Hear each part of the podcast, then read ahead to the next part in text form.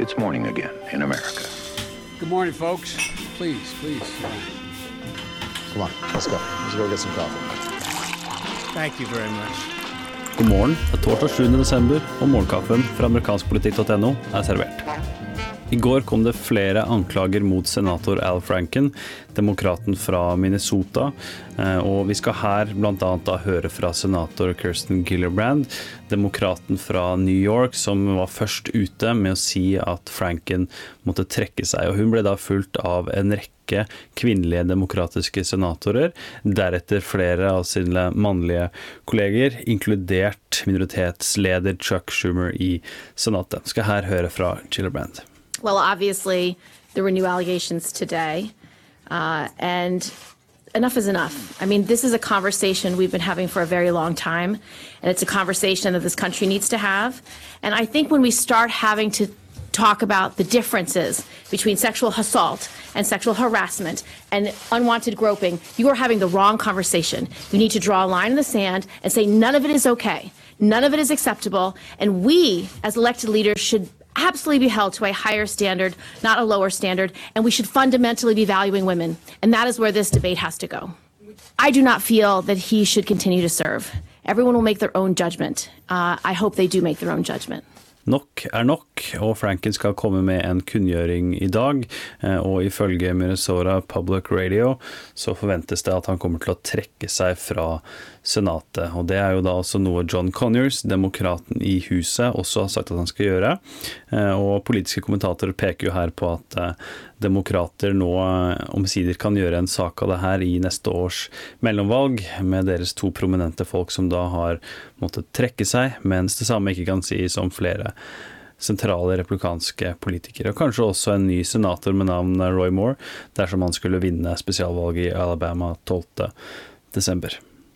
Som vi var inne på i går, så har president Donald Trump bestemt seg for at USAs ambassade i Israel skal flyttes fra Tel Aviv til Jerusalem. Og vi skal her høre det han da sa offisielt i går.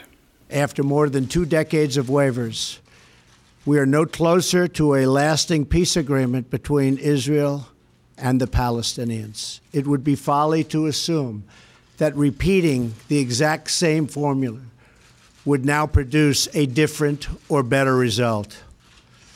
Therefore, I have determined that it is time to officially recognize Jerusalem as the capital.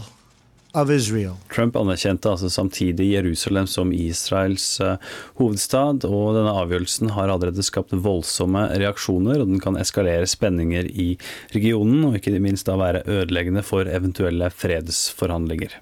I går prøvde nok en gang demokraten Al Green, representanten fra Texas 9. distrikt, å stille president Donald Trump for riksrett. Han gikk opp, talte i Representantenes hus, og krevde da etter hvert også en avstemning. Den endte da 364-58 i favør av å kaste Greens foreslåtte resolusjon. Vi skal her høre litt fra Al Green, og deretter litt fra stemmegivningen. Donald John Trump President of the United States is unfit to be president and is impeached for high misdemeanors. Mr. Speaker, I move to lay the resolution on the table. Question is on the motion offered by the gentleman from California. Those in favor say aye. Aye. Those opposed say no. No. In the opinion of the chair, the ayes have it. Mr. Speaker, Gentlemen, I request a roll call vote. gentlemen ask for the ayes and nays. The gentleman does. On this vote, the yeas are 364, the nays are 58, with four voting present. The motion is adopted without objection. The motion to reconsider is laid on the table. På tross av at dette ble nedstemt med solid margin, så finnes det nok ganske mange som sitter på gjerdet, men da skal det mer til enn Al Greens gjentatte forsøk på å stille Trump til riksrett. Det må skje noe mer. Spesialetterforsker Bob Mueller må finne ut noe mer. Men det her er definitivt en sak som kommer til å ligge og ulme i mellomvalgåret 2018, med mange demokrater som ser dette riksrettssporet som en måte å gå etter Trump og republikanerne på i neste års mellomvalg. Dagens utgave av Morgenkaffen er servert av Per Åsmund Reimert og undertegnede Are Togflaten. Du leser mer om disse og andre saker på amerikanskpolitikk.no. Du finner Morgenkaffen i Spotify, iTunes og andre podkastapper sammen med Ampolkast. Ampolkast ligger nå ute med en spesialepisode eh, med et intervju med Luke Harding, den bestselgende forfatteren av 'Sammensvergelse hvordan Russland hjalp Donald Trump inn i Det hvite hus'. Hør på den episoden, og du kan da altså få muligheten til å vinne et signert eksemplar av boka. Hyggelig om du hører på den, og så snakkes vi i morgen.